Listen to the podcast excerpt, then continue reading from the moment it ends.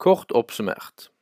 I første omgang så ble det introdusert smitteverntiltak som sosial distansering og antibac. Deretter bruk av kontaktsporing.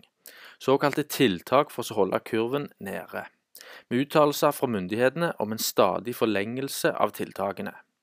Deretter så kom innføring av gradvis maskebruk på kollektivtransport. Så ble det et mandat i flere land. Dette tross vitenskapelig data og uttalelser om at det ikke er nødvendig.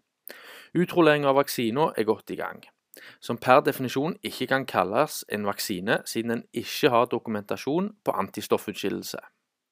Vaksiner vil ikke være effektive, og i kombinasjon med såkalte virusmutasjoner, så må vaksiner tas årlig, som ved influensa. Men allikevel så må man bruke munnbind, antibac, praktisere sosial distanse og kontaktsporing. Det vil innføres reiseforbud, besøksforbud og jobbforbud for de som ikke tar vaksiner. Vi kommer altså aldri tilbake til normalen som er egne uttalelser fra WHO. Og på ett år så har flere virksomheter gått konkurs og sliter daglig. Sammenlignet med de store aktørene som Amazon, Apple, Google, Microsoft, Walmart osv.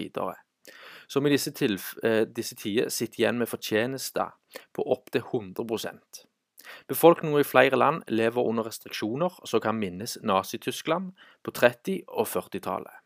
Repeterende nedstengninger av samfunnet praktiseres òg av myndighetene, til tross for at tiltakene gang på gang viser seg å ikke utbedre smitteraten, tvert imot.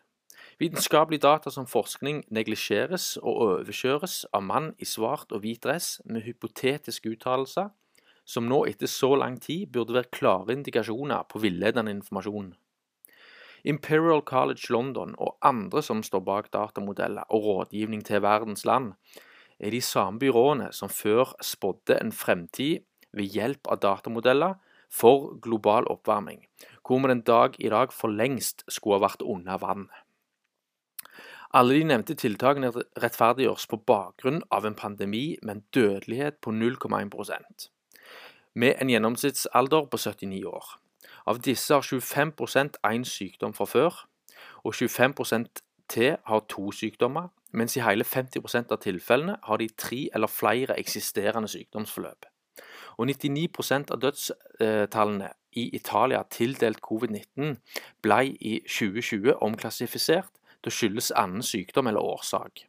Det samme kan også sies om statene, hvor hele 94 ble trukket og endret til annen årsak enn covid-19, som for en eller annen grunn ikke har fått publisitet. Det er altså syv ganger større sannsynlighet for å dø av turistdiaré, altså kolera, enn covid-19. Som faktisk er egne tall fra CDC, WHO og The Lancet fra mars 2020. Dødstall per dag på verdensbasis for sykdommer som tuberkulose, hepatitt, lungebetennelse, malaria og hiv og aids ligger mellom 2000 og 3000 dødstilfeller per dag, mens kun 56 dødstall er tildelt covid-19 per dag. Samtidig har influensa plutselig sluttet å eksistere som en årlig infeksjonssykdom. Og så må man jo ikke glemme testprosedyrene og identifiseringa av virus i seg sjøl, som ble nevnt i foregående kjappiser. Allikevel så går flertallet av befolkninga rundt med maske og praktiserer generelle smitteverntiltak.